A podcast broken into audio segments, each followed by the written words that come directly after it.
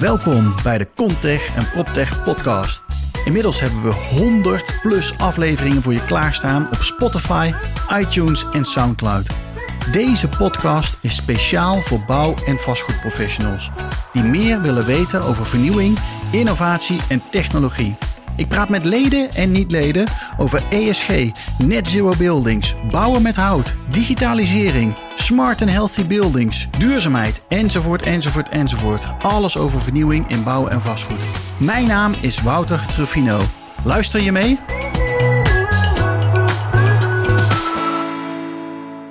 Welkom allemaal bij een nieuwe aflevering van Hoe is het nu met? We gaan in gesprek met een aantal nou ja, leden van ons over hoe het met ze gaat, wat ze doen, om een beetje te leren kennen wie zit er nou achter die bedrijven die bezig zijn om een beter gebouwde omgeving eh, te creëren.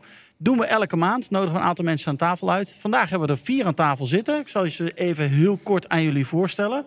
Robert Hekelaar, Prologis, welkom. Dankjewel. Hoe is het? Uh, goed, dat was hem, hè? goed zo. Alexander Lindenboom van Heijmans. Hartstikke goed. Hartstikke goed. goed. Kijk, ja. heel goed. Jij hebt nog de mondmaskers in je binnenzakje uh, zitten, ja, hè? Voor het geval dat. zijn uh, kan het, uh, maar nee, gaan we niet nodig hebben. Nee, Dave van Ooy, meer? Ja, nou ja, gaat helemaal gek. Net vakantie gehad, dus zit er goed in. Lekker. Peter van Heel. Van Heel. Hoe is het met je? Ja, hartstikke goed. Dankjewel, Wouter. Je wilde eigenlijk zeggen van ETEC. Van ETEC wilde dat ik erachteraan zetten, ja, maar... Maar dat is niet meer. Nee, daar, uh, dus hoe is het nu met me? Het gaat hartstikke goed, maar je hoeft er niet meer bij te zeggen van Heel en van ETEC. Het is nu gewoon Peter van Heel. In between jobs, genietend van de zon en een beetje vakantie. Oh, oh, wil je dat in deze tijd wel zeggen? Want volgens mij staat jouw hele telefoon straks zo groot gloeiend. Dat is waar. Dat, maar dat mag wel weer. Dat mag gaan gebeuren. Gebeurt het niet nu, dan is het uh, volgende maand op de Provada of bij het real estate event... Uh, wat jij natuurlijk gaat oppakken. Ja, precies. Op de Zuidas in september. Ook leuk. Maar Provada is eerst. Provada eerst is eerst. Provada. hey, wat wil je gaan doen? Want de wereld ligt aan je voeten. Je kan in de zorg, je kan over, je kan overal. Iedereen wil je, je hebben, de krant maar open te slaan en je leest er over het arbeidstekort. Dus wat dat betreft kan je overal aan de bak. Ik denk een tunnel in de A4. Misschien ik afvalparker. Dan weet ik in ieder geval dat ik heel veel mensen heel veel ellende bespaar. Ja, nou ja daar zoeken ze nog mensen, toch? Nou, nee, ja, het is een beetje... Kijk, er is natuurlijk ontzettend veel te doen in Nederland. En uh, ik, heb, ik heb wel een paar jaar geleden gezegd... ik wil me inzetten in een betere wereld. Ik wil dus iets doen in de hoek met duurzaamheid. Duurzaamheid vind ik wel iets waar we gewoon je kan het niet zeggen natuurlijk, meer gas op moeten geven. Maar duurzaamheid moet er gewoon meer kracht achter komen. Ja. En daar wil ik wel uh, iets in doen. Nou, en dat iets met vastgoed, financiering, uh, daar, weet je, alles wat ik hiervoor al gedaan heb. Leuk. Hey jongens, voordat we gaan beginnen, gaan we eerst een rondje doen. Wat is jullie opgevallen in het nieuws? Uh, Robert, wat is jou opgevallen? Nou ja, ik vind, die, ik vind die A4 vind ik wel een hele goede. in combinatie met, met de werkgelegenheid natuurlijk, wat mm -hmm. een probleem is. Dat is me opgevallen. En de discussie van gisteren met betrekking tot dat we opeens geen eh, cv-ketel meer, eh, meer mogen hebben. Ja, we hadden het er net ook ehm, over. Ja, dan maak ik het zelf even iets groter. En eh, ik denk dat we niet over politiek moeten praten. Maar wel een beetje de nou ja, minder kundige overheid... die plotseling dat soort beslissingen maakt. Ja. Dat, uh, dat vind ik soms eigenlijk wel een beetje pijnlijk. Want het zit niet in een groter uh, sustainability plan eigenlijk. Het, is weer, het voelt weer als een plotselinge beslissing... die niet in een uh, grotere visie past. Oké, okay. hoe zien jullie dat, jongens? We gaan in 2026. 26, ja. Allemaal op die warmtebom? Ja, ja, gaan we naar, ontzettend lange remweg heb je ervoor.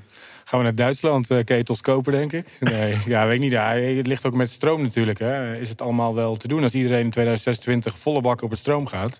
In Amsterdam wordt gezegd dat ja. Kan nu al niet. Het kan nu al niet. Dus, dus ik denk heel goed. Uh, is het realistisch? Dat weet ik niet, maar ja. Nee, nee dat, dat is juist de sturing die de overheid moet geven. Want dat is denk ik wat jij ook een beetje bedoelt. Hè? Is dat nou de rol die de overheid moet nemen om op deze manier die sturing te geven? Om iets waar de industrie en de sector zelf... Al vraagtekens bij heeft. Ja, ja. kan je echt afvragen. Dat is wel jammer. Ja, wij waren natuurlijk vorige week in Dubai. En wat ik daar dan ook meeneem, dat vond ik wel bijzonder. Daar is ook leiderschap. En de, daar lopen ze ook nog heel ver achter op het gebied van verduurzaming. Maar als ze daar gewoon zeggen van jongens, we gaan dit gewoon doen, dan gaat in één keer iedereen mee. En hier in Nederland, als er dan zoiets gebeurt, dan is het ineens allemaal mits en maren, want dit kan allemaal niet. En misschien kan het ook wel niet. Ja, en misschien is daar nog zo weinig tot er nog heel veel gedaan moet worden, wat er ineens allemaal wel kan. Het is een hele andere discussie die er ontstaat. Maar kom op, jongens. Je moet dat, we gaan veel meer van dit soort maatregelen krijgen. Als we niet met z'n allen die extra stap gaan zetten. Als we niet met z'n allen naar minder toe gaan. Als we niet met z'n allen die draai gaan maken. Dan krijg je nog een paar van dit soort draaien om je oren. Ik denk dat de overheid niet anders kan dan op een gegeven moment gaan zeggen: nee, je krijgt dit, dat en dat. Daar ben ik mee eens, want die, die, hele sustainability-vraagstuk wordt de hele tijd vooruitgeschoven. Tuurlijk. Uh, dus uh, ja, nou, misschien is dit wel voor hun zeg maar, de, de tool om, uh, om te gaan pushen.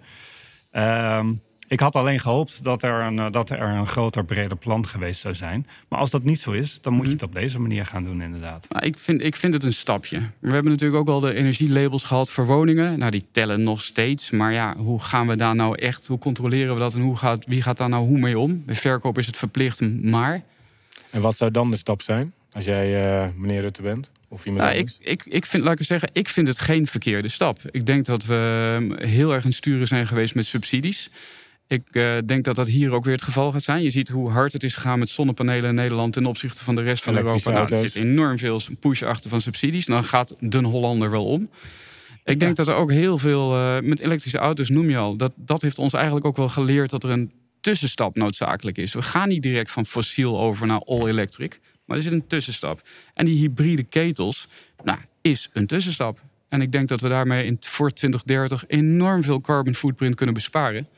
En dat dat echt een stap in de goede richting is. Maar er is bijna niemand die dat van dat zichzelf gaat doen. Omdat CO2 niet beprijsd is voor een particulier. Omdat je geen innovatievoorsprong krijgt als particulier. Omdat er geen concurrentievoorsprong is als particulier. Bij bedrijven wel trouwens. Ja, wat, ik, wat, wat mijn reactie is, mijn primaire reactie is dat bijvoorbeeld Duitsland gaat aan het gas. Hè. Ik bedoel, uh, daar stoppen ze dan met andere producten en gaan ze meer op gas. En er zijn nog andere landen die in Europa, in de EU, die naar gas toe gaan. En wij gaan een andere stap maken, wat goed is. Maar volgens mij kunnen we ook in het collectief dingen doen. Uh, dus dat in het collectief van Europa bedoel Van Europa, ja zeker. Ja, ja. Ja, Want waarom zouden wij het beste beentje, het beste kindje van de klas moeten zijn? Terwijl wij misschien ook wel een van de kleinste zijn. Maar goed, dat is... Uh... Nou, kijk even naar de uitstoot van CO2 per land. Dan zijn we nog lang niet het beste kindje van de klas. Hè? Nee, oké, ongetwijfeld. Maar ik denk dat je als je groter denkt, dan kan je misschien wel meer bereiken dan als je uh, het alleen, alleen over Nederland hebt. Ja, en er moet volgens mij nog heel veel gebeuren. Vorige week Dubai, Zeker. dan zitten we in een restaurant, staan de deuren staan allemaal open. En je voelt de koude lucht, voel je van buiten. Zeker, naar, ja, precies. Uh, van binnen naar buiten. Exact. Toe, uh, er zijn andere nou, oplossingen. er is nog ja, zoveel ja, te winnen dat is het in de hele wereld. Dat bedoel ik. Dus, dus ja, het is natuurlijk gas is een ding. met een warmtepompje bezig. En dan denk ik, jongens... Jongens, we, moeten ergens beginnen. Het zijn de kleine stapjes die ook het gedachteproces in gang zetten. Ik denk dat de verandering nog veel belangrijker is dan de techniek, hoe we daar naartoe gaan. En dat veranderen en die bewustwording. Nou, je vroeg net, wat is, wat is je opgevallen in het nieuws? Er vallen natuurlijk wel een paar dingen op. Als het gaat over inflatie, energieprijzen, grondstoftekort, arbeidtekort, oorlog in Europa, onwachtbaarheid. Het, lijkt, een soort, van perfect storm. Nou, daar zullen we, in moet, daar zullen we ons op moeten voorbereiden. En we zullen moeten gaan veranderen. En als dit allemaal nog niet helpt... Nou, dan gaan we maar verplicht om in 2026 een hybride pompje neer te zetten. ja. Het is niet veel, maar... Het is een klein dingetje. Ja. Nou ja, ik ben het wel met je eens. Ook weer Robert. Uh, Alexander, wat is jou opgevallen? Ja, ik, ik, begin voor de derde keer over die tunnel. Toch wel. Ketelplein, ja. uh, inderdaad. Uh, maar, maar, hoe bijzonder het is hè, dat er twee mensen zich ziek melden... en dat dan inderdaad dat zo'n verkeersinfarct veroorzaakt. Hè. Ik, ik, vind er van alles van. Hè. Ergens richting overheid. Van hoe kan je dat nou in hemelsnaam op zo'n manier georganiseerd hebben? Maar toch ook wel was een heel tastbaar effect van wat er toch gaande is op een veel grotere schaal. Hè? Winkels die uh, niet alle dagen van de week meer open zijn, horeca die niet alle dagen van de week open zijn. We gaan niet meer kunnen bij mensen. Ja, we gaan die hybride warmtepompen gaan we installeren met mensen die ook een veel groter schaaleffect zouden kunnen creëren als zij bij bedrijven uh, die verduurzaming zouden helpen, helpen realiseren. En dan ook de vraag, ja, wat voor een arbeidsmarkt willen wij nu nastreven ook, ook in dit land? Hè? ik, ik vind het een complex vraagstuk wat wel een beetje op die, die perfect storm eigenlijk mm -hmm. tijd. Hè? Where to start. Ja. Hoe gaan we dit doen, jongens? Uh, echt je maar start. Hoor. Uh, echt, echt spannend. Ja. ja. En waar komt die Perfect Storm ineens zo vandaan? Want het is toch wel heel bijzonder. Want een paar jaar geleden, arbeidsmarkt. Voor corona zaten wij er zelf hier ook nog over na te denken... om een paar mensen aan te nemen op marketing communicatie. Nou, ik denk dat ik honderd mensen op sollicitatiegesprek had gehad... als ik twee jaar geleden die vacature live heb gezet. Ja, maar nog. En nu is het echt heel moeilijk. Ah, weet ik niet. Als je, als je interessante vacatures hebt... is het een enorme asynchroniciteit. Zo een groot verschil hè, tussen het aanbod en de vraag, uh, inderdaad. Hè. Dus we hebben 450.000 uh, eh, vacatures en 338.000 werkzoekenden. Hè. Maar het gat is veel groter uh, dan dat, omdat inderdaad het niet meer is synchroon. Wij merken dat in, de, in de, juist ook de, de nieuwe ontwikkelingen binnen Heijmans... Hè, waar we in één keer Azure developers nodig hebben... of veel meer marketingmensen, die krijgen we wel gevonden. Omdat je met een interessante een waardegevende activiteit bezig bent. Hè? Dat is mhm. echt een driver. Dus heb je de juiste kwalitatieve werk te bieden, dan vind je in bepaalde sectoren nog wel het segment. Als er überhaupt mensen in die vijver zitten. Ja. En we vissen ook in allerlei vijvers waar gewoon Helemaal veel te niemand mensen is. zitten. Ja. Maar blijft de vraag, waar komt het vandaan? Hè? Want het, het, ergens lees je ook elke dag in de krant... lijkt het ons wel te overvallen Ja. wat er gebeurd is. Beetje naïef vind ik dat. Ja, hadden we het kunnen, had je het kunnen zien? Voorzien? Kijk, het, het, het, het zijn wel een aantal ingrediënten te vinden. technici, hè, dat, dat, dat, dat, dat kan je Mhm. natuurlijk 25 jaar geleden kan je het al uittellen. Hè, als je gewoon de vergrijzingscijfers eh, pakt. Mhm. Dan zit toch de hele sector een beetje... Nou ja, het een beetje te negeren, denk ik. eh. Zorg, denk ik hetzelfde Ja, geval. ik denk een beetje hetzelfde Eh, geval inderdaad, Vergrijzing met uitstroom, maar vooral de instroom die, eh, die ook druk op het systeem zet. Ja, weet je, het gaat nooit zomaar stormen. Ergens zie je altijd wel donkere wolken Ja, ik- of zo. eh, ik denk dat de ook, eh, toenemen. ik denk dat die tunnel heel mooi zichtbaar maakt hoe kwetsbaar we eigenlijk zijn. En volgens mij zijn we met z'n allen een beetje in slaap ge- gevallen. Want het, ja, als je vandaag bestelt, is het morgen in huis. Weet je wel? Dat is allemaal heel normaal geworden. We bestellen vandaag en volgende week komt het uit China. Die maakbaarheid, hè? Maar die maakbaarheid, en dat is waar we allemaal eh ja, van uitgaan. Maar dat is dus niet zo. De wereld is niet maakbaar. En dat Nee. valt nu heel erg op met die tunnel. Waar in één keer twee mensen ziek zijn. Wat gewoon gebeurt. En eh, het hele systeem ligt plat. Kijk in de supply chain. We zijn allemaal afhankelijk nu van chips tekorten. De autosector. Waterpo of eh, warmtepompen. Ja, een leuk, leuk initiatief. Als ze er zijn zo meteen. Ik ga misschien weer een Ja, probleem waar worden op- ze ge- gemaakt in China? ja, nou ja, Die- dat, die dat weet ik niet. Maar ik bedoel te zeggen dat, die maakbaarheid, volgens mij moeten we daar ook eh, hoe kwetsbaar we zijn. Dat valt nu heel erg op. En volgens mij is dat de perfect storm. Dat we, dat we daaraan iets moeten veranderen. En het gaat heel erg over het gedrag. En er zijn een aantal factoren, er zijn gewoon een aantal zaken gebeurd waardoor het Ja. meer is opgevallen. Weet je, die eh, toen opeens, eh, opeens het kanaal geblokkeerd was. Ja, Weet dat je, is mooi. Ja, het het eh, Suezkanaal. Ja, Suezkanaal was ook zo'n, weet je, eh, van oh, oh, Ja, dat oh, is we gewoon dus, die, die, die, die single point of dependency wat je daar had. Nou shit, als dat ding klem is, dan, dan krijgen we dus blijkbaar geen goederen meer in, in, ons, Ja. in ons land of in onze regio zelfs. Ehm, maar ja, hoe ga je dat veranderen? Ja, dan ben je wel eh, een jaartje of vijf eh, verder, zeg maar. Want ja, mensen die zeggen wel van... oké, we hebben nu eh, in plaats van just in case... of just in time hebben we just in case. Hè. We moeten zoveel mogelijk eh, eh, gewoon goederen en dergelijke in Europa hebben. Dat lukt ze op dit moment helemaal niet. Want ze krijgen de goederen er niet in. Die zijn er al uit voordat ze erin zitten. Ja. En we moeten zelf fabrieken hier bouwen... zodat we zelf kunnen gaan produceren. Ja. Ja, daar Zouden we gaat dat wel gaan veel doen? tijd in zitten. Ja, dat, dat zeggen ze wel, dat dat Ja. meer gaat gebeuren. Ja. Denk Ja, dat het is wel, we hadden het hier net al eventjes over in, in het. We stonden met z'n tweeën, drieën voor te spreken hier. Maar het is natuurlijk, we hebben ook een heel uitermate efficiënt systeem gecreëerd met z'n allen. Alles is lean en mean geworden. En just in Globalisering. time en de globalisering, het hangt aan elkaar. Allemaal op zoek naar eigenlijk het laagste punt in kosten. Om die consument, die veeleisende consument, die wil elke dag wil die gewoon met één druk op de knop. De hè, goedkoopste. morgen wil die het hebben. Het goedkoopste product. Lekker, dat man. holt dus. maar dat holt dus eigenlijk ergens het systeem uit. Als jij alle, alle goedkoopste wil hebben, dan gaat het ergens pijn doen, piepen en kraken. En dan gaat het, tegen, gaat het schuren. Eh, En dus en als, als het daar kapot gaat, als het daar kapot gaat, of het loopt daar vast, of nou, dan, dan stort er meer in dan alleen dat punt. Dan loopt het hele systeempje schijnbaar vast. En dat is net alsof we het allemaal zo uitgekneisterd hebben. En ik denk dat we er als land heel goed in zijn. We zijn effectief en efficiënt. Ik denk dat dat ook goed is van Nederland. Maar ja, je ziet ook wel als je dat in een global pipeline, dan Ja, dat is het negatieve effect van eh, procesoptimalisatie inderdaad. Want eh, ja, je hebt gewoon eh, alleen maar ketens achter elkaar... en als eentje wegvalt, dan ben je klaar. En dat, dat is gebeurd. Dus er zijn een aantal van die voorbeelden... waardoor wij eigenlijk ons meer realiseren dat, eh, dat we een probleem hebben. En, en wat je zegt, hè, we zijn bijna in slaap gevallen. Het ging zo lekker, toch? Ging zo lekker, toch? Ja, Dus Victoria, waarom ja. gaat het mis? Nou, we hebben er jarenlang hebben we er ongeveer gratis geld in gepompt. Dus eh, iedereen, eh, niks viel om, alles kon doordraaien. Iedereen had geld en, eh, en de beurzen gingen omhoog. Dus, eh, en de prijzen van huizen gingen omhoog. Hosanna, er is geld genoeg. Ja. En met die welvaart aan de hand en dat bijna ingesukkelde en die efficiency eh we Ja, een heel leuk en wat er- systeem. en wat er nu gaat gebeuren met de prijzen, op een gegeven moment worden ze gedumpt. Want wat je ziet, ik weet nog wel op de, op de universiteit, met je de Bear Game bij Operation Management, lang geleden. En dan was je allemaal een ketenpartij, in, in, in de keten, een partij in de keten. En dan moest je een bestelling doen. Je mocht niks zeggen, je mocht alleen maar opschrijven een getal van je bestelling voor de volgende keten. Maar op een gegeven moment komt er een stagnatie. En dus de, de, degene die bij de klant zit, die heeft tien orders. Dus die zegt tien orders, dus die geeft hem door aan de volgende. Maar er komt niks, want er is ergens stagnatie. Wat nu dus gebeurt, hè, de chips of andere dingen. Maar op een gegeven moment ga je dus niet bij één leverancier... maar ga je bij drie, leveranciers ga je tien aangeven... want je wil gewoon je chips hebben. Ja. En dat doet de volgende ook in de keten en de volgende ook. Dus veel wat te denkt de laatste in de keten? Ik ga nog meer produceren. En dat is wat er gaat gebeuren. Dus op een gegeven moment komt er een enorme stuw meer van producten... want ik heb ze besteld. Ja. Wat gebeurt er dan met de prijs? Die gaat naar beneden. Ja, dus dat, dat gaat gebeuren in de keten. En zo Dan hebben, we, zijn we. en dan hebben we allemaal heel erg goedkoop een hybride warmtepompje. Yes. dus een hele goede opmerking. Nou ja. Ja. Misschien wij niet, misschien de Nederlanders niet, maar de Duitsers wel. Want die komen dan net een paar jaar later en dan zijn er Ja. te veel. eh. Dat zou kunnen. Nee. Oh boy. Dat heeft toch geholpen naar de universiteit gaan. Dave, om bij jou even te blijven, wat is jou opgevallen? Ja, ik pak heel veel mijn telefoon erbij. Ik wil een quoteje eruit pakken. Nee, in, eh, in het FD, Google steekt miljarden in terugkeer naar kantoor. Dat Ja. is een, eh, een mooie een, een quote. Wij geloven dat het, belangrijk is, dat het belangrijker is dan ooit... om te investeren in onze campussen. Eh, en dat zal re- eh, resulteren in betere producten... hogere kwaliteit van leven voor onze medewerkers... en een sterke gemeenschappen. Oftewel, ze gaan dus investeren in kantoren... Ja. om ze weer naar kantoor te krijgen. Dat vind ik een mooi, mooi iets voor onze sector. Ik denk dat het heel goed is om te doen. Ja. Een gezonde werkomgeving te creëren. Een plek te creëren waar we echt naartoe willen gaan... in plaats van elke dag maar als een soort werkrobot te zitten.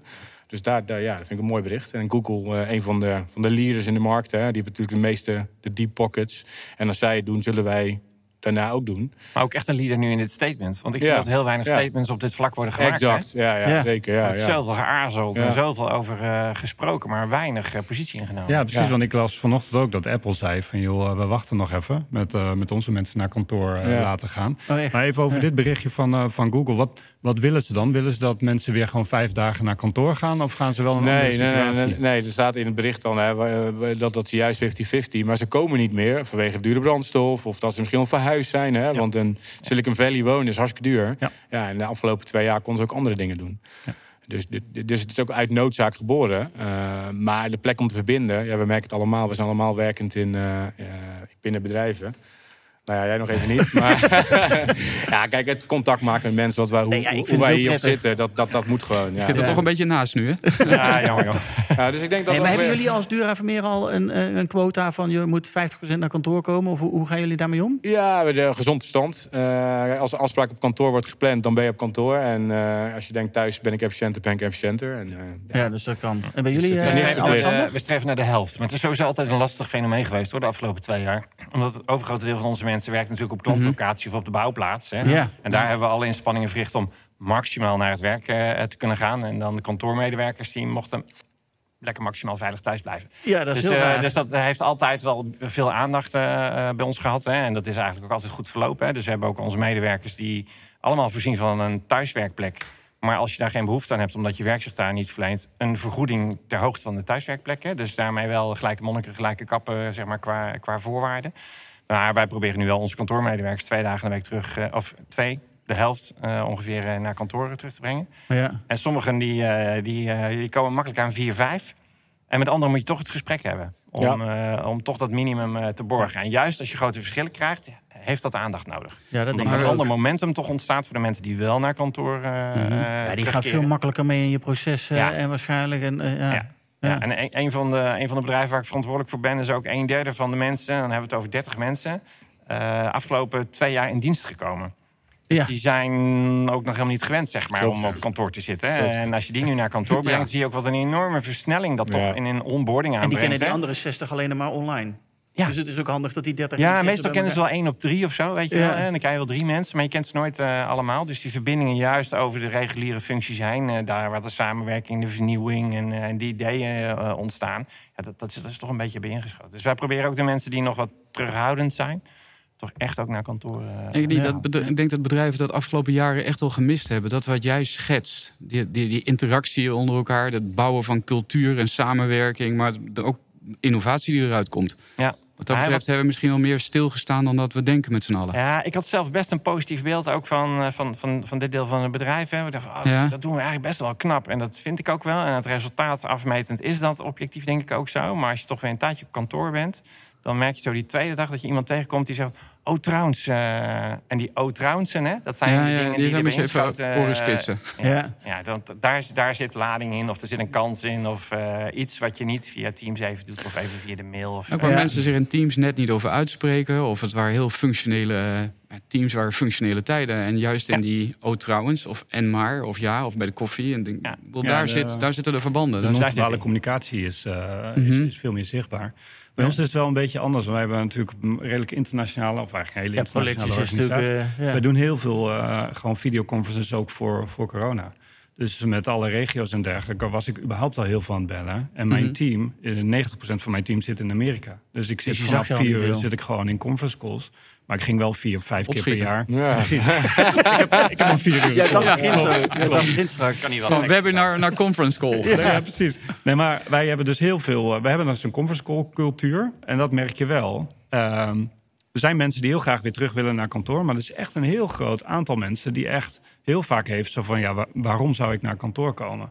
Als ik eh, vijf van de acht uur zeg maar, dat ik moet werken in een call zit, ja, dan ga ik niet die anderhalf uur heen en terug, of die drie uur heen en terug. Maar denk je niet dat er, soort, zit er niet een soort inefficiency in? Je kan toch niet met de helft van je vergadering die thuis zit... of dat je een scherm erbij hebt staan en een andere helft hier. Nee, en dat is de uitdaging. Dat, ik bedoel, dat, Klopt. dat hybride werken en toch op kantoor werken...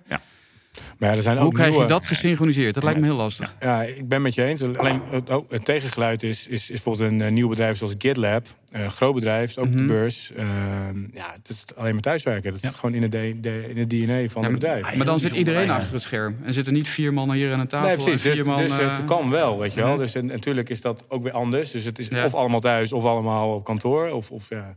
Dus daarom zien wij misschien ook wel een hybride vorm wat lastig is. Dan, eh, Dan denk ik dat het daar... Ja, ja, precies. Laten Lekker we het maar polsen. voor iedereen een beetje Ja, goed Ik denk dat het daarom lastig is. Er, is een, eh, volgens mij is het Zoom. Eh, wij waren aan het experimenteren met een oplossing dat Mhm. je ook allemaal een cameraatje hebt in elk geval. Dus dat jij op, als je op kantoor zit en er zitten een aantal mensen zitten op een videoscherm, Ja. dat jij eigenlijk voor die mensen ook op een videoscherm zit. Ja. Weet je, dat soort, Ja, dat soort oplossingen krijg je wel. Ja. Maar ja, het, als, jij, als wij met z'n vieren zitten en er zijn vier mensen ingebeld, dan gaat het gesprek heel gauw Hier. tussen ja, ons. zeker. Ja. Dus daar ben ik het helemaal mee eens. Ja. Dat is echt een hele, hele Ja. grote uitdaging. Ja. Ja. Misschien nog het laatste dan, want ik had laatst een onderzoek gelezen. eh, het ging over, over trainees en het ging over Heineken. En dat was midden in de coronatijd. En er werd gezegd van ja, voor mensen die ouder zijn dan 30 of 40, is het prima om thuis te werken. Die snappen de cultuur en eh, weten, hoe de, weten wie ze moeten hebben voor, voor, voor welk probleem. Maar de trainees of de nieuwe mensen, ja, en dus ik, moest een vragenlijst willen. Wat is de cultuur van Heineken? Eh, en voor dit geval Heineken dan, het scheelt niet, speelt bij elk bedrijf.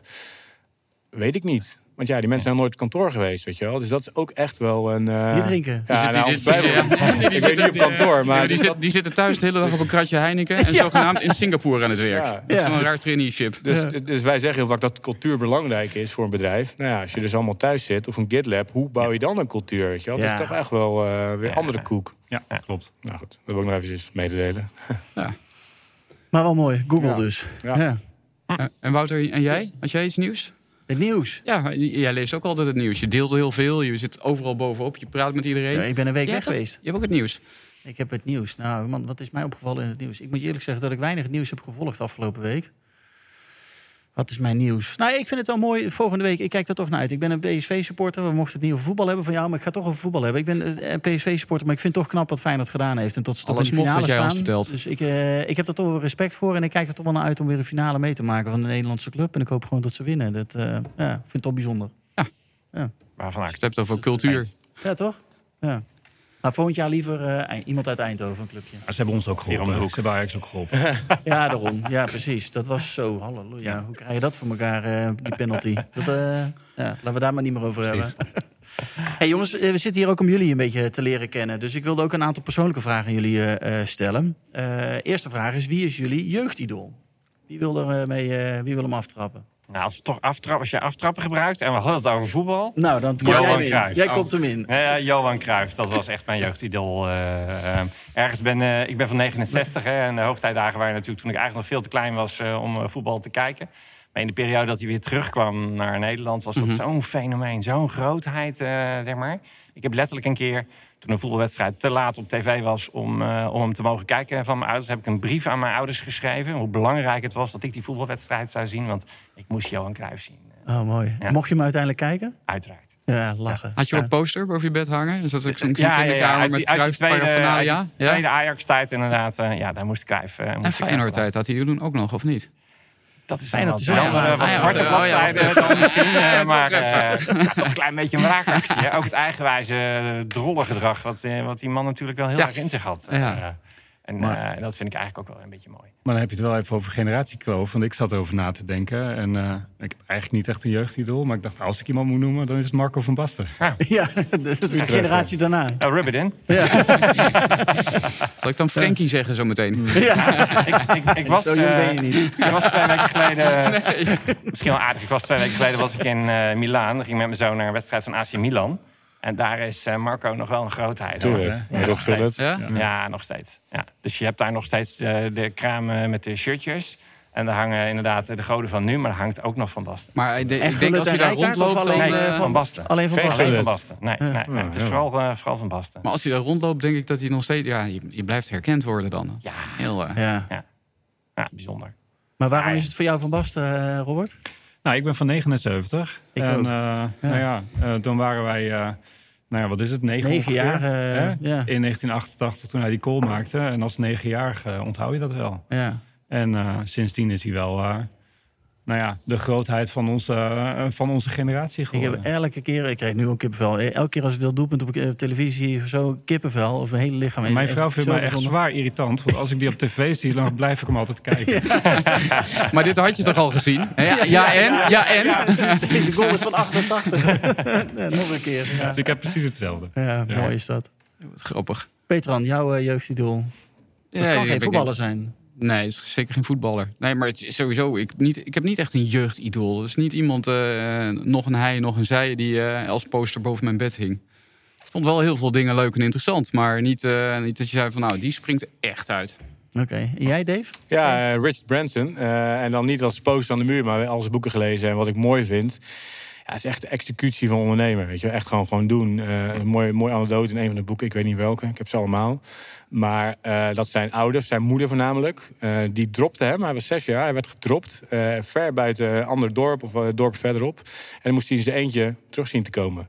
Nou, dat, En, hoe- en hoe vonden je Zes kinderen? jaar. En hoe vonden jouw kinderen ik heb het wel, ik heb het wel overlegd met mijn vrouw, maar mijn oudste is zes. Dus, het is nog net zes geworden, dus het moment eh, is hier. Nee joh, maar dit We is verwachten 26 ieder moment kilometer. thuis. Dat haalt hij prima. Om half Kijk. zes aan tafel. Kijk, vroeger was alles beter, zeggen ze dan. Hè, dus was het misschien wat veiliger. En, Ja. eh, maar goed, nee, gekkigheid. Maar ja, dat, dat vind ik mooi. Eh, ondernemen en echt, echt over innovatie. Vanuit een idee iets groots maken. En hij dacht heel groot. Ja. Nog steeds. Nog, Nog steeds, steeds, ja. ja. nog Ja. steeds, zeker, ja. Ja, ja, ja. Maar goed, er zijn weer allemaal nieuwe ondernemers gekomen. Maar hij was wel een van de, voor mij een van de eerste. En natuurlijk had John de Mol in Nederland hè, ook wel een grootheid. Rondom eh, eh, ondernemen. Maar hij was toch wel weer een, net even een stapje Next level. next level. Next level. Ja. Ook met Ja. zijn marketing, hoe hij producten verkocht. Daar kunnen we echt nog steeds wat van leren. Heel cool. Grappig, dat, dat zijn natuurlijk wel allemaal grote namen die iedereen altijd noemt. Wat is je idool? Is een idool altijd een grote naam? Kan het ook de groenteboer op de hoek zijn waarvoor je enorm respect hebt? Dat? Tuurlijk. Wat mij betreft wel. Dat kan niet. Dat ik- eh, Heel veel, eh, Ja, familieleden. Ja. denk ik. Ja. maar het is net alsof je als Maar idool moet niet je idool, denk ik. Want idool, eh, familie is niet een, Meer een voorbeeld. een voorbeeld. Voorbeeld. Is het dan. Ja, Ja. precies. En dat kan natuurlijk ook. Er zit, er ook nog, zit ook nog een verschil tussen een idool die een talent heeft, een voetballer, en dat op de juiste manier weet in te zetten. Of, of is ondernemers ook een talent natuurlijk. Ja, ik wou eigenlijk zeggen John... die Ik inspireert, denk ik. ik wou eigenlijk zeggen John Scatman, maar dat zou wel heel, heel verkeerd zijn als ik dat zou zeggen. Maar eh, ik denk, vaak het zijn muzikanten, weet je wel. Ja. Dat kan natuurlijk Ja. ook, ja. Het is maar net Ja. wat, je, wat je op dat moment, eh, hoe oud je bent en wat je inspireert. Ja. Een idool moet in ieder geval inspireren. Ja. Ja, dat is het. Ja. Ja. En je kan nu ook een idool hebben. Hè? Ik bedoel, eh, misschien is Elon Musk wel voor heel veel mensen een idool. Ik Denk het wel. Ja, Al is het alleen maar. kijk, Het is niet alleen eh, dat hij de rijkste man ter wereld is of wat hij bereikt, maar ook de manier waarop hij het doet. Met een bepaalde soort brani door de wereld loopt. Ja. Nou ja, dat is de briljantie ja. die Dat hij heeft. En eh, Ja. de, de ongeremdheid eh, met, Ja. you know, waarmee hij keuzes maakt, is natuurlijk onge- ongelooflijk. Ja. Hè, met, die, die Boring Company en dat, wat hij aan het doen is. En met die Hyperloop. En Ja. en zoveel dingen waarvan we eigenlijk nog maar weinig van weten. ja. Maar als je het over, daar hadden wij voor eh, voorgesprek nog even wat over. Wie nou echt visionair zijn en wie ver. Nou, Mhm. misschien over vijf of over tien jaar. Ja, wij zien het nog niet, maar hij wel. Ja. Ja. Ja. Ja, dan denk ik dat hij komt natuurlijk ook met heel veel dingen. Als je eenmaal op dat Ja. niveau zit, krijg je ook dingen te zien. Kom je met Ja. bedrijven en ondernemers in aanraking waarvan je denkt, ja, nou, die brengt mij ook weer verder. Maar hij brengt het ook elke keer weer een stapje verder. Ja. Want die Tesla is er wel gekomen. En die Boring Company, daar, gaat waarschijnlijk ook... Nou ja, die Hyperloop, die is die ook enorm aan het pushen Ja. en aan het doen. Ja. Dus, eh, En die Ja, zonnepanelen dacht je van company. Paypal, waar hij mee begonnen is. Dat is ook geniaal. ja, geniaal. Ja. Ja. Hoe, hoe gecalculeerd is het allemaal, denken jullie? Of hoeveel Ongekend. emotie of gewoon gut feeling, lef, bluff eh, Ja. is het? Goeie En vraag. soms ook zijn Twitterbericht, hè? Hoe gecalculeerd is het allemaal? Dan wel hoe... Goeie Ja. vraag inderdaad. Dat je Ja. de genialiteit wordt op een bepaald moment wordt natuurlijk ook madness, hè? Ja, Al met Want hoeveel, maar, eh, maar, maar bij hoeveel, elkaar ja. Ja, hoeveel missers van hem kennen we? En heeft hij missers? Maar Je hebt het natuurlijk altijd over de succesverhalen. Daar worden boeken vol over geschreven. Maar Nou wat, ja, wat, wat nou ligt ja. er allemaal naast? Er zijn natuurlijk wel wat, wat, wat korte termijn dips geweest. Door gewoon dingen waarvan wij dachten van... Hoezo heb je dit ge- deze tweet geplaatst, eh, gast? Dat, eh, heeft Ja, gewoon dat, is, kort, maar dat dat in de bleepline van, eh, van Tesla Ja. is dat een beetje dit en dat. Maar hij had ook natuurlijk, heeft toch ook zo'n bedrijf dat met zonnepanelen. Hij ging heel California ging Oh, volleggen die, met, eh, met of in- op huizen. op huizen, ja. En die batterijen. En de batterijen. En die ja. batterijen. Dat is, het kan zijn dat dat nog komt, hè, natuurlijk. Ja. Die batterijen moeten we misschien toch ooit een keer wel wat mee. Maar Misschien is dat een mooie Maar het is wel maatregel. stil. 2026 eh allemaal... Gelijk een eh, batterijtje aan batterij. erbij. Gewoon, eh, Misschien belt Elon wel eh, onze Hugo. wie weet. Hugo, ik heb voor jou een oplossing. Wie weet. Zou me daar wel in kunnen vinden trouwens. nou, Hugo, Hugo is toch wel hard, hard aan het oriënteren geweest... in de hele bouw- en vastgoedmarkt en op zoek naar oplossingen. Maar ik ben heel benieuwd waar hij nou... maar Dit is dan eigenlijk zijn eerste resultaat, hè? Jongens, we hebben het niet over 2026. Hugo gehad hier aan tafel. Maar wat vinden we van Hugo? Eh, wat ik zeg, ik vind dat hij zich... Hij heeft zich volgens mij breed georiënteerd. Je zag hem overal in het vriendennetwerk van ons op LinkedIn... eh, Ja, op bouwplaatsen, in fabrieken, op kantoren. Hij heeft echt met heel veel mensen gesproken. Dat heeft hij goed en de gedaan. grote vraag is nu, wat kan hij daarmee? Wat gaat hij daar nou mee doen? En kan hij er iets mee? Heeft hij het mandaat ervoor? Krijgt hij het voor elkaar? Want, als dit ingewikkeld. eerste wapenfeit is... Ja, we- 2026, die hybride warmtepomp, het is een stapje. Maar om nou te zeggen, dit is het grote gebaar. Nou ja, dat is een beetje de politiek. Kijk, ik denk dat het heel goed bezig is en met iedereen te praten is altijd goed. Eh, alleen de vraag is, ja, wat is het korte termijn geheugen van de overheid? Hè? Als het in- inflatiespook komt of eh, de oorlog, eh, wat, wat, wat zijn de thema's? Woningnood is een thema, een mega groot probleem. Alleen dat u hoort het niet zoveel meer in, eh, in, de, in de nieuwsbladen en in het nieuws. Dus ja, langzamerhand, eh de politiek heeft natuurlijk lange termijn, maar vaak is het toch vier jaar. En dan komt Ja, er weer een nieuwe coalitie. Dus ik hoop eh, voor Hugo eh, en het hele plan Ja. dat het eh, allemaal voor elkaar Ja, komt. Maar het is het afhankelijk van welke thema's er spelen in de wereld. We hadden het natuurlijk ook altijd over 1 miljoen woningen voor 2030. Hij heeft Ja. er nu over 900.000. Nou zijn we ook wel een jaar verder, maar in een jaar zijn er geen Ja, 100.000. die- Nee, Nee, dus het begint al langzaam, het begint wat te te dus. kraken en wat te Ja. verminderen hier en maar, daar. maar dat is met ondernemen. Je vroeg over Elon Musk net. Kijk, Het gaat ook om momentum en eh, af en toe een beetje geluk hebben. Just in time. Ja, er zijn heel veel bedrijven met de dotcom-bubbel die geniaal waren. eh, en die helemaal geklapt zijn. Eh, maar nu zie je... Kijk, denk aan die cloudbedrijven. Die waren toen bedacht. En nu zijn ze pas groot. Eh, Napster Ja. was gewoon te weinig klanten voor, voor, voor het product. Ja, Ja, waar, waar menig, of meest van die bedrijven waar, wat die gemeen hadden, zeg maar, was de, zeg maar, de laserfocus. Eh, ze kozen iets, hè, Tesla, Mhm, ja. eh, die koos iets en die gingen vol, Ja. vol op af. Echt volledig investeren. PayPal, En ik geloof 100%, Molly. niet, niet 99, Ja. maar 100%. Precies. En die ooit. laserfocus, dan, eh, dan bereiken ze die zaken. Nou ja, vraag maar eens aan de overheid of ze ergens 100% laserfocus op kunnen zijn. Dat zal heel erg moeilijk zijn. Ja. Maar je zegt echt kunnen, kunnen zijn. Ja, precies. Dat Ja, is ook. Ja. Die kan ook niet. Hey, jongens, wat wilden jullie worden toen jullie klein waren? Volgende vraag, die ik er eens even ingooien. Ondernemer. Ondernemer, jij vanaf ja, begin af directeur, aan? eigenlijk directeur. Maar Directeur. Directeur, ja. Directeur met de oprijlaan, zei ik altijd. ja, oprecht. ja, ja, ik wil oprijlaan. Wat wil je worden? Ja, ik een oprijlaan en directeur. Maar Dat zei ik. Mooi. Ja, dus uh, goed. En uh, langzamerhand... Ben je onderweg uh, bij je? Ja, nee, Hoeveel ja. ben je op de oprijlaan? Nou, en, wat mijn, en wat mijn droom is, is nog slechter. Maar zo'n John Deere waar je dan op je, op je, op je, op je grasmaaien om je huis kan rijden. Dat is, uh, Ja? Dus dat, daar werk ik naartoe. Eigenlijk, Wel, wel een John Deere. Mooi. Ja, ja, eigenlijk wil je gewoon boer worden, zeg maar. Zoiets. Ja, ja, precies. Dat kan ook. Nee, dat, dat, dat. Cool. Ja, Alexander, tof. wat is dat voor jou? Wat wilde jij? Ja, eh, ik moest en ik zou bij de luchtmacht gaan werken. Ik was als klein jongen al gek van straaljagers, eh, F-16's. eh, dus ik moest bij de luchtmacht gaan werken. En, hoe- En dat is ook gebeurd overigens. Echt waar? Mijn eerste, keer- ik kom helemaal niet uit de, uit, uit de steen of uit de techniek. ik heb elf jaar eerst bij de luchtmacht gewerkt. Ook Op, op, een F-16 squadron. Niet als piloot. Maar wel heel in het hart van, eh, van de luchtmachtoperatie. Dus eh, die droom heb ik nagejaagd. Die heb ik afgerond ook. En eh, toen ben ik aan het werk gegaan. Vet. Ja, maar wel heel vet. Klaar ik zou het ook zo weer doen. Ja. Ik zou weer dezelfde keuze maken. Ik zou ook weer weggaan. Dat Ja. weer wel. Ja. Maar, Maar, eh, maar wil hij dan maar wat als je worden? droom gelukt is, dan wat dan? Wat dan? Ah, Dan ga je altijd weer nieuwe de dromen. Weet je. Ja, is toch nieuwe dromen, nieuwe idolen. grootste droom. eh, Dan ga je gewoon bij Nee. Heijmans aan de slag.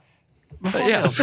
En dan dan komen kom je erachter, had ik het maar jaren eerder gedaan. Nee, Dit is mijn echte droom. Nu weet ik pas wat ik gemist heb al die jaren. Nee, ik had het voor geen goud willen missen. Ik kijk er dus ook heel erg uit dat op Hemelvaartsdag is de première van Top Gun 2. Ja. Kijk, ja. Nou, Oh, die- die- die moet ik Ja, zien. Dat moet je zien. Die moet Ja. ik zien. Ja, absoluut. Geweldig. Goeie film. Ja.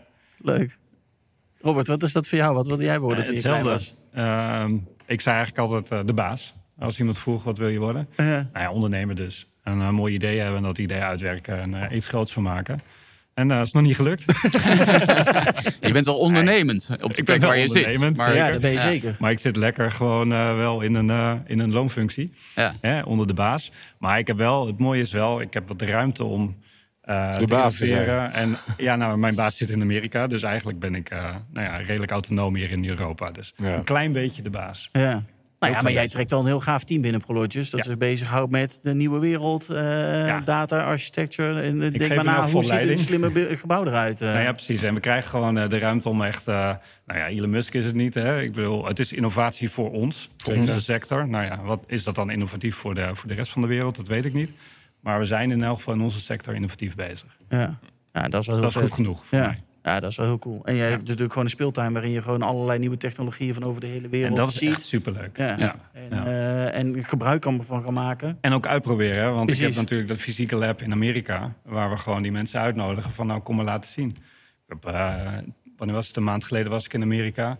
Toen lieten, eh, lieten we weer een autono- autonomous drone company lieten we even komen. Nou, die, die gooit die drone omhoog en hij geeft mij de controls... en zegt, probeer hem maar tegen de muur aan te vliegen. Nou, zijn hele leuke dingen natuurlijk. Ja, heel cool. Is niet gelukt. Wat, is niet dat? gelukt. Eh, wat is dat voor lab? Wat, wat moet ik me daarbij voorstellen? Want Ja, we jullie hebben, zitten in de warehousing we hebben en logistics. En, ja. Ja, Dus we hebben uit. gewoon onze eigen kleine warehouse. Mhm. Dus we hebben gewoon als team hebben we een warehouse met racks, gewoon zoals een warehouse zou moeten zijn. Ja. Eh, waar we gewoon al allerlei soorten experimenten kunnen doen. Met of zonder klanten. Weet je, sommige van onze Mhm. klanten hebben gewoon geen ruimte om zelf te experimenteren of zelf een idee uh, uit te werken. Ja. Dan nodigen we ze uit. Kom maar bij ons. We hebben hier gewoon uh, een goede ruimte, precies uh, zoals een warehouse van jou Mhm. moet zijn. We gaan het er, erin hangen of we gaan, er, we gaan het erin laten rijden. En we gaan kijken wat ermee gebeurt. En daar leren wij en zij van natuurlijk. En zo hebben we ook al onze mesh networks en al onze sensoren. En uh, hebben we heel veel met 5G. En nou, heel veel zaken hebben we daar gewoon getest. En, welke uh, innovatie? En, en welke innovatie heb je voor het laatst vanuit daar toegepast nu in, uh, in de warehouses? Nee, de, dat zijn eigenlijk hele kleine dingen. Want wij kwamen erop uit dat... Um, we hadden natuurlijk helemaal een smart building ontworpen, helemaal super cool. Maar we kwamen er eigenlijk op uit dat je in onze organisatie het smart building alleen maar gradueel zeg maar, kan uh, mm-hmm. implementeren. Dus ik heb een probleem. hey, hier heb ik een oplossing voor. Ik heb een ander probleem. hey, mm-hmm. by the way, uh, hier heb ik ook een oplossing voor. hey, en grappig, het zit allemaal in hetzelfde mesh-netwerk. Het zijn dezelfde soort sensoren. Dus uh, je hoeft niet eens een gateway te plaatsen, want de data gaat er wel uit. Ja. Dus zo um, hebben we smart building gedesigned, daarna in stukken gehakt. En nu zijn we, een uh, groot voorbeeld is, we zijn uh, pump room kits. Dus in, uh, in Amerika of in de rest van de wereld ook heb je pompkamers, hè, waar de druk van de, de sprinklers en dergelijke gewoon omhoog gehouden moet worden in het warehouse. Nou, daar zetten we gewoon allemaal meters op. Uh, omdat als het gedrag verandert, ja, dan is er iets mis. Dan is er ofwel een lekkage of, of iets anders aan de hand.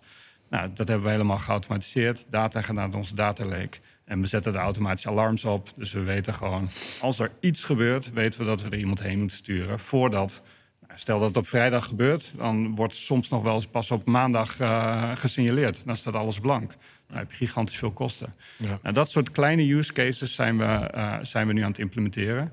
En deze mogen we nou in 3000 gebouwen uh, neerzetten. Even klein. Even klein, ja, precies. Dus deze is gewoon, is gewoon geaccepteerd. Ja, en is gelukt uit het lab en die, die wordt nu opgeschaald. dan uh, ja. gelijk. Ja, precies. En een ander ja. is, ik heb nu um, bijna goedkeuring om een 100 gebouwen in Europa uh, op alle dockdoors gewoon een x aantal sensoren te plaatsen. Dan spreek je over tienduizenden sensoren.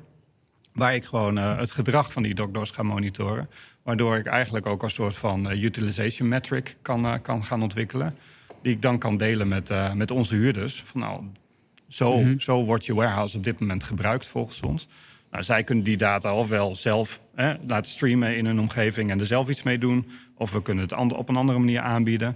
Maar zo langzamerhand proberen we dus steeds meer ja, slim de data te interpreteren en, uh, en uh, slimme informatie terug te geven aan, aan de mensen. Het gaat vooral om data eigenlijk. En die drones waar je het net over had, zijn dat drones die dan van warehouse naar consument gaan of in warehouses rondvliegen om nou, dit is, te halen? dit is echt een onderdeel van een heel groot plan. Um, mm -hmm.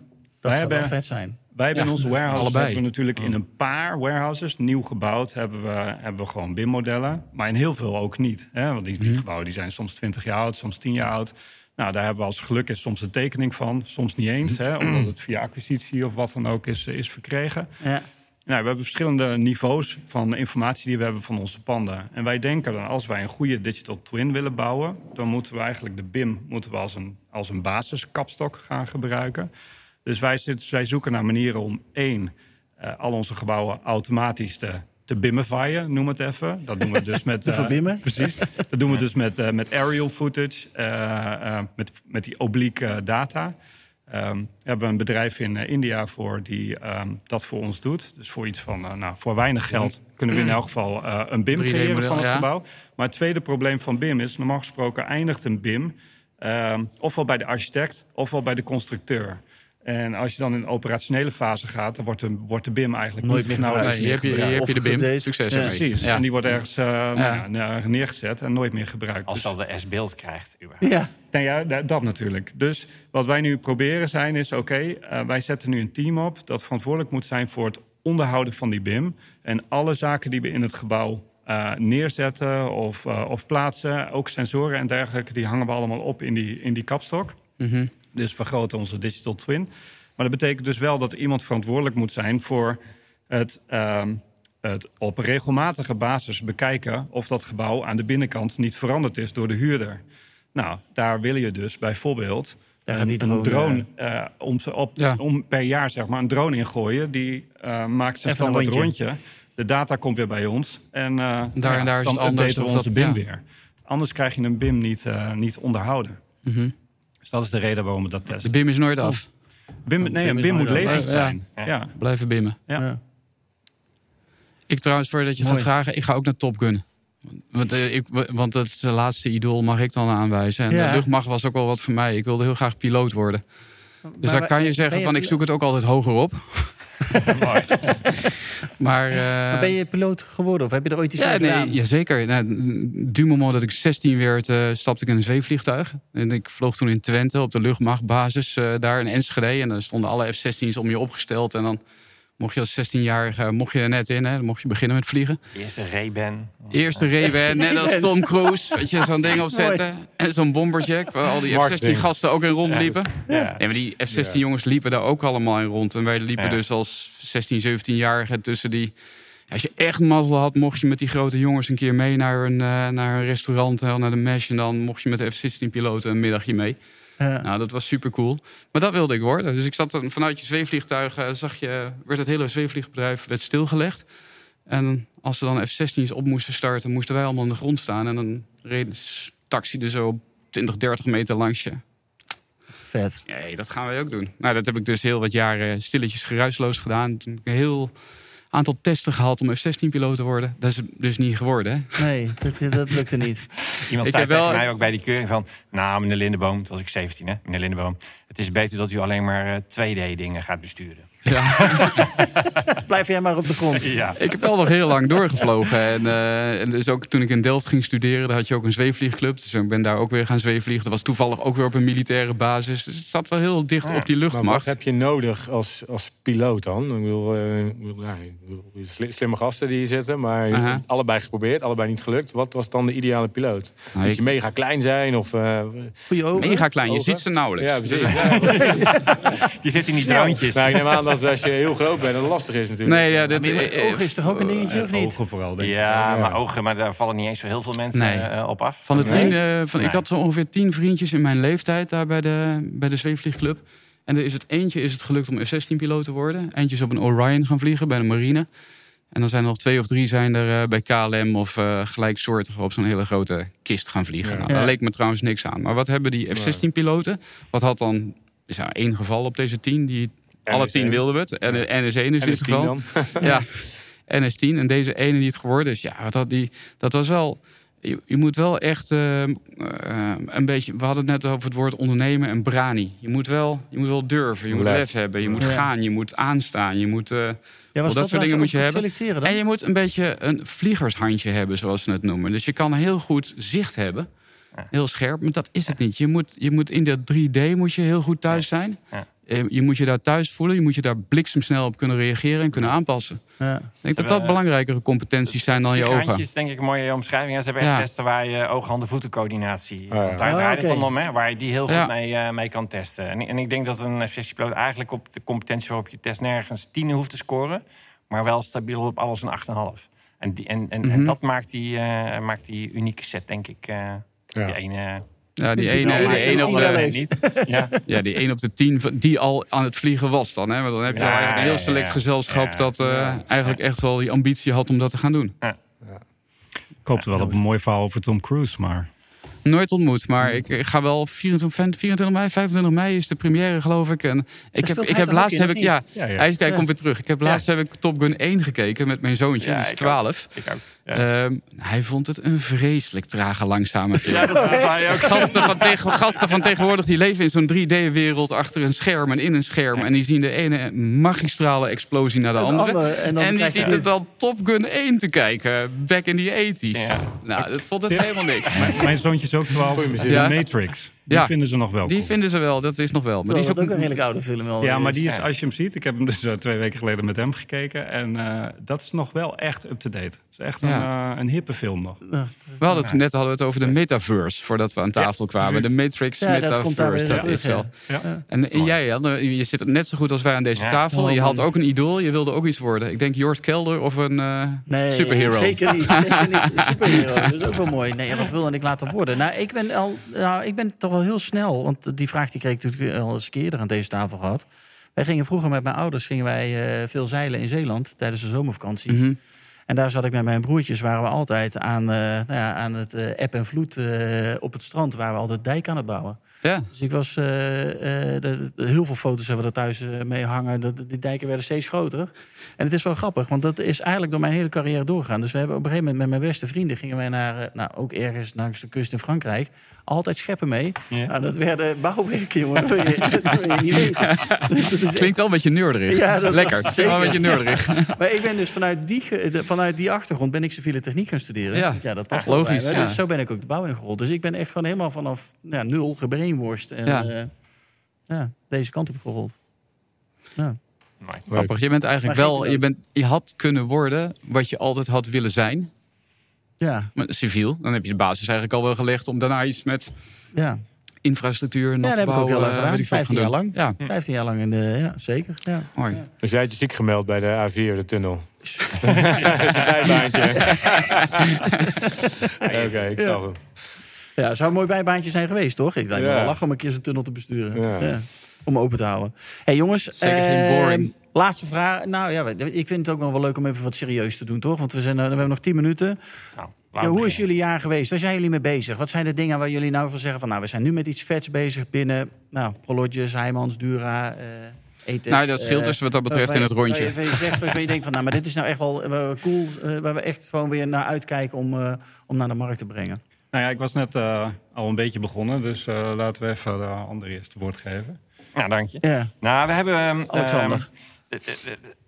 Eén keertje nog noemen dan. Twee jaar corona achter de rug. Hè. Eerste jaar was echt gewoon uh, hard bikkelen, heel strak aan de wind zeilen. Zorgen dat de mensen aan het werk hielden, dat we het onder controle hielden. Dat was jaar één. We hebben gezegd, ja, dit moeten we ook niet blijven, blijven doen. Hè. We moeten wel weer vooruit blijven kijken, blijven investeren. We kregen gelukkig ook de ruimte om dat te gaan. Dus we hebben, vorig jaar hebben wij heel veel gebouwd.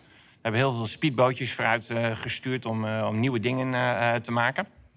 En die, die zijn ook allemaal nou, die, bijna allemaal hebben ze zeg maar, de proof concept fase wel overleefd. En we zien doordat we die speedbootjes vooruit hebben gestuurd, dat nu ook zeg maar, op het, in de grote stuurhut, zou ik maar zeggen, hè, waar onze raad van bestuur en directie hier zitten, herkend wordt van hé, hey, die speedbootjes die zijn iets tofs aan het doen, maar daar moeten geen speedbootjes blijven, die moeten we bij elkaar brengen. En dat is een stap, uh, toevallig zei ik dat ten collega voordat ik hier naartoe ging, uh, wat, wat ik nu zie gebeuren de afgelopen maand, komende maand, als ik kijk naar de agenda, ze komen nu allemaal bij elkaar en er begint een onderkenning te ontstaan van hey, Ik zit in het servicesbedrijf. Uh, maar noem eens een speedbootje waar je mee bezig bent. Of nou, je zegt van nou, dat is echt... Wij, wij, zijn bezig... Nou, wij, wij, bouwen grote gebouwen en zijn aan het kijken van... wat is nou dat, dat, dat slimme gebouw? Hoe maken we dat nou IT, OT ready voor de toekomst? Hoe ziet dat eruit? Ja. Maar we hebben vanuit het onderhoudsportefeuille hebben wij een enorme hoeveelheid aan installed base uh, situaties die de komende 20 jaar ook gewoon niet gaat veranderen. Hoe ga je nou zorgen dat je of met GBS-informatie of sensoreninformatie, hoe je dat gebouw slimmer gaat maken? We hebben een product dat heet Beyond Ice. Dat is begonnen met een sensorproduct, maar is eigenlijk doorontwikkeld naar een product waarbij we het gebruik van ruimtes en gebouwen zeg maar, omzetten in waarde voor eindgebruikers, voor opdrachtgevers, voor de facilitaire dienstverleners. Door het combineren van data. Oftewel, is deze ruimte in gebruik? Hoe zijn de klimatologische omstandigheden? Ga ik hier verwarmen of koelen? Ja. Wat wordt er hierna eigenlijk gedaan? Hè? Kan ik zien dat deze ruimte nog een keer geboekt is? Want als het niet is, ja, dan ga ik niet lopen koelen om vier uur als wij uh, klaar zijn. Precies. die intelligentie die brengen we bij elkaar. Zo maken we de beleving in deze ruimte beter. We werken aan de energiereductie. Eh, we kunnen de vitaliteit van de ruimtes inzichtelijk maken voor de verhuurder. Of de huurder kan aantoonbaar maken of hij wel krijgt van de huurder waar hij eigenlijk voor, uh, voor betaalt. Maar het zijn allemaal point-oplossingen nog. En uh, we zien dat we nu inderdaad de slag gaan maken naar nou ja, welke architectuur, welk systeemlandschap gaan wij nu dan uh, inrichten in de komende periode om te zorgen dat we dat als integraal propositie op de markt kunnen zetten. Ja. Maar dat we ook weer de leerloop uit het gebruik kunnen laten terugvloeien naar het ontwerp. Uh, want daar ga je natuurlijk uiteindelijk de schaal creëren waar je, waar je naartoe wilt. Dat is een lange adem. Uh, dus daar kan je nooit met een business case aan de voorkant alleen op ontwerp en realisatie uh, realiseren. Maar ik denk dat de waarde van die, van die data uit die hele keten, dat dat heel erg belangrijk is. En we hebben geleerd. Nou ja, en het is denk ik ook belangrijk om je hele organisatie daarin mee te nemen. Want je ja, hebt het over zoveel dat verschillende... Dat is een van de moeilijkste dingen. Je verzetten binnen je bedrijf. Dat is ja, maar ongekend. ook klanten. Ja, en ook, klanten. Ook ja. klanten. Want ook klanten hebben nu duurzaamheid top of mind. Uh, die hebben nu terugkeer naar kantoren top of mind. En het zijn bijna nooit de beide vraagstukken bij dezelfde klant op hetzelfde moment. Ja. Dus je ziet heel veel asynchroniciteit tussen van wat is nou mijn behoefte, wie heeft de portemonnee. Uh, hoe maar wel, wel mooi dat je dan wel die speedbootjes opgezet hebt. Want dat is dan zich, de grote bedrijven doen dat. Maar dat je ze ook mag doorzetten. Want je zou ja. denken, er zijn wel een aantal quick wins te behalen op dit moment. Dit is ook wel echt voor de toekomst dit. Ja, ja zeker. We hadden, in het ja. voorrondje hadden we het net over arbeid. Um, ik kan me ook maar zomaar voorstellen dat hij ons goed moet nadenken. Trouwens, alle bedrijven moeten goed nadenken. Van uh, hoe zet ik mijn, mensen, mijn eigen mensen zo goed mogelijk in. Om zoveel mogelijk omzet te halen. Dit is echt de kost en de baat. De kost gaat voor de baat in deze. Ja. Ja, gelukkig krijgen we die ruimte om ja. dat uh, ook, uh, ook te doen. Hè.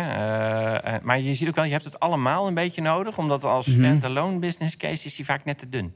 Dus je moet het doen hè, vanuit dat je de samenhang ziet tussen die deelinitiatieven. Dat je bewust die bootjes wel vooruit stuurt om, en, en ze ook bootjes laat. Maar ook gaat kijken van en wanneer kan ik nou ze combineren? Hè? Welke mm -hmm. waarde kan ik ja. brengen? Of welk platform moet ik eronder leggen zodat ze als het tankje leeg is, dat ze nog weer een keer uh, weer kunnen gaan versnellen. Dus, dus, er komt nu heel veel bij elkaar. Adoptie van, van uh, je eigen organisatie hierin is wel, uh, is wel een ding. omdat wij toch ook een heel erg arbeidsintensief, arbeidsintensieve sector zijn. Mm -hmm. hè? We hebben ook gewoon best veel alleenwerkers die gewoon vanuit huis met bevoorrading op de bus de werkzaamheden bij de klant doen. Hè? Ja. Hoe ga je nou heel je organisatie meenemen in waar je toe in staat bent en hoe voorkom je dat onze opdrachtgever iets op de beurs gezien heeft... waar onze medewerker geen weet van heeft dat we het kunnen. Ja. En, en stiekem vragen we toch aan die medewerker... Je moet kansen herkennen bij je klant. Ja, hoe dan? Want als hoe ik dan? niet eens weet wat we kunnen... is Hoe dat dan? wel vrij lastig. Ja, precies. Dus, Ja. dus dat is wel... Uh, ja, daar, dat, je- dat is de Ja. volgende, volgende fase, denk ik... aan het eh, echt laten ja, inklinken van deze strategie. En doe je, het ook bij, doe je het ook in je eigen kantoren? Ik bedoel, Oefen je Ja. bij jezelf? Want Ja. dat is denk ik, helpt de bewustwording. Zoals Ja. jij met je, wat je net over je lab vertelde. Dat als je het ziet in je eigen gebouwen, dan...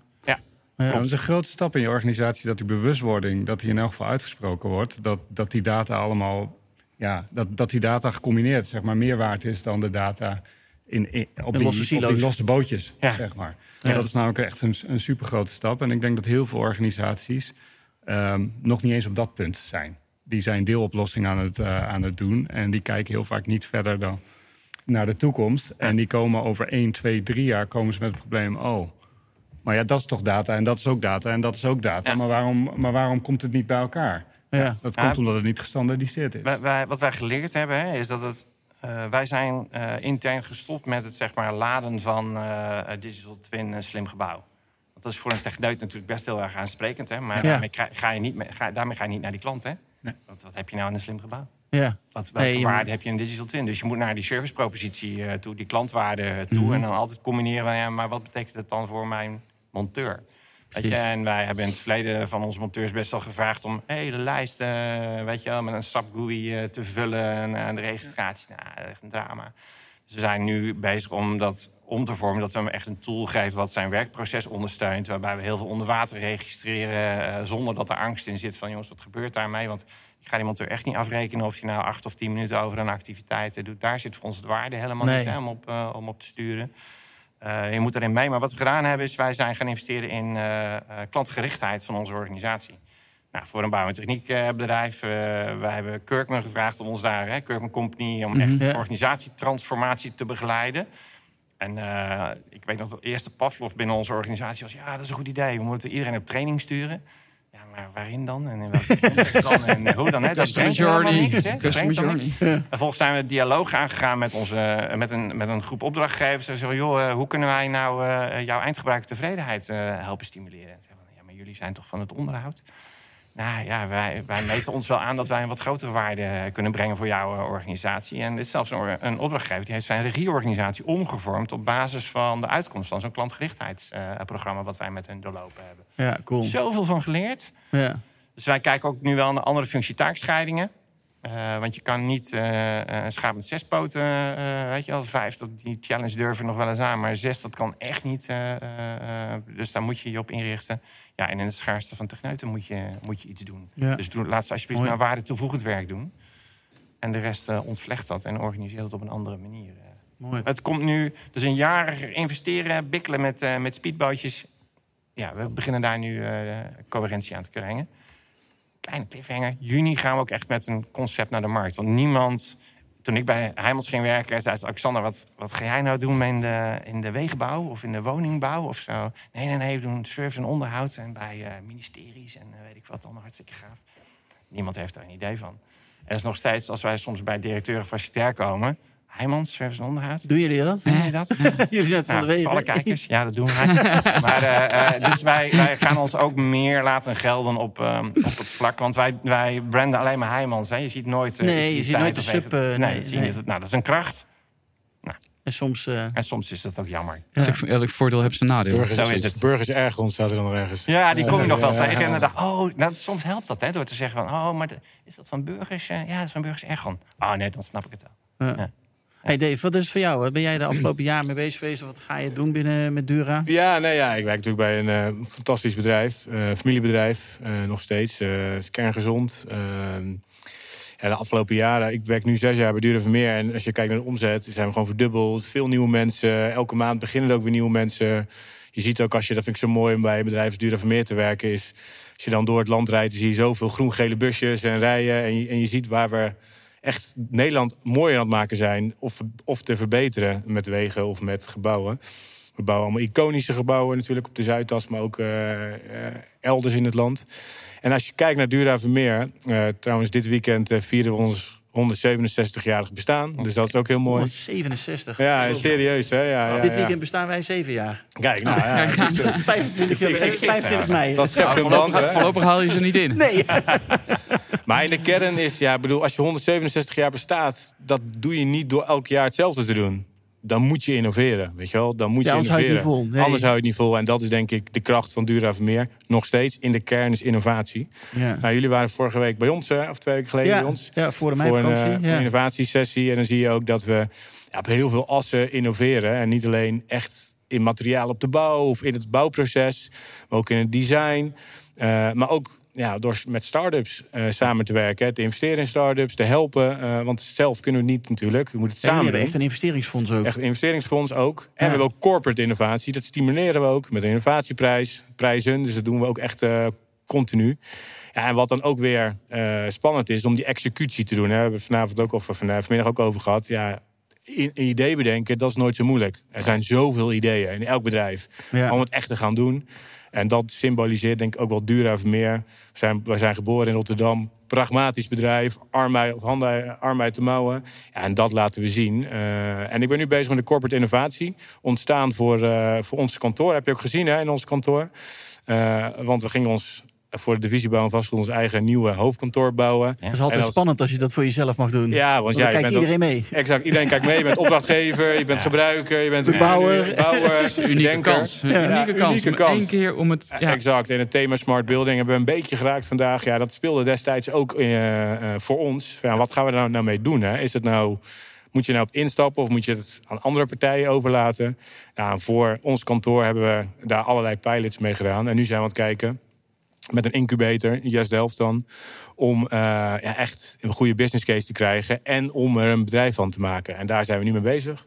Dus voor de zomer of net na de zomer gaan we kijken als we er echt een bedrijf van maken. Of we laten het gewoon in corporate innovatie. Dat, dat, dat, dat is een beetje... Waar, waar, waar is het goed voor eigenlijk, een smart ja, building? precies. Nou, dat is ook het, het ding. We En, hebben- en hoe ga je het vervolgens meten Ja, en nou, een verdienmodel zoeken? Ja, Maar vooral- exact. Nee, maar dat is het. Maar Kijk, vooral smart eerste, building- waar is het goed voor? Ja, welk probleem los je op? Dat is nog een eerdere vraag. Ja. Kijk, eh, een slim gebouw, je zegt het ook. Maar waar zet je op in? Hè? Kijk, gezondheid. We hebben, we hebben heel erg op gezondheid ingezet voor onze eigen eh, medewerkers. Medewerkers. Ja. Want gezondheid, of eh, medewerkers, Veel bewegen. wij zijn een mensenbedrijf. Dus gezondheid van medewerkers vind ik heel erg belangrijk. Maar kan je dat verkopen? Kom je binnen, ja, ik verkoop gezondheid. Dat is heel erg lastig, weet je wel. Nog niet. Gaat wel gebeuren. Gaat wel gebeuren, zeker. Zeker, maar die, ook weer over het momentum en timing. Wanneer zet je wat in? Dus, eh, dus wa- wat is het haakje waarmee je uiteindelijk wel die gezondheid gaat verkopen? Nou, dat zijn we aan het toetsen en dat zijn we aan het, eh, aan het valideren nu. Nou ja, dat is een beetje Ja. de vraag van wie ga je het verkopen. Dat is wel eh, dat is een mooie vraag. Want wij verkopen eigenlijk bijna alles intern. Dus wij zorgen Exact. ervoor dat het Ja. voor, de, voor de organisatie zelf eh, meerwaarde heeft. Het zij dat we helpen met een carbon neutral maken van een building. Of, Exact. of we hebben Employee Wellbeing Certified. En daar plaats ik dan de sensoren voor. Daar haal ik de data voor op. Of onze ESG-team moet rapporteren eh, nou ja, in een bepaalde dataformat. Ja, dan En maak moet je dat alle- makkelijker. moet Ja. alle smart meters, eh, Ja. eh, Ja. waarvoor wij, nou ja, wat is het, twintig verschillende bedrijven in verschillende regio's hebben, waardoor die data nooit consequent is. Weet je, dus, eh, dus je zorgt er intern voor dat je eigenlijk, eh, nou ja, eigenlijk een soort van efficiëntie creëert en misschien ook gewoon een extra waarde. Ja. Daar zit het hem in, denk ik. Ja, Ja. Dus, ja dus, dus, dus dat zijn we aan het doen. En als het, eh, ja, als het nog niet is, te vroeg is, ja, dan niet. Hè? Ik bedoel, eh, je moet wel eh, iets bijdragen aan de wereld. En dat, en dat doen we als duur even meer. Dus vandaar die validatie. Oké. Mannen, we hebben het hele klokje rond. We zijn alweer een uur bezig. Dit is ongekend. te laat voor mijn goal. Ja, we zijn er twee minuten te laat zelfs. Dus gaan- Amerika staat op de deur te kloppen. nee, zeker. Ik ben, we gaan jou, jou, Petran, sowieso ook volgen. Want ik ben heel benieuwd wat, je, wat er op je pad gaat komen. Wat je Ja. gaat doen eh, uiteindelijk. Ik ook. Ja. En iedereen die hier aan tafel heeft gezeten, natuurlijk dank dat jullie hier, eh, hier waren. En eh, ik hoop jullie sowieso allemaal terug te zien op het festival dat we gaan organiseren op de Zuidas.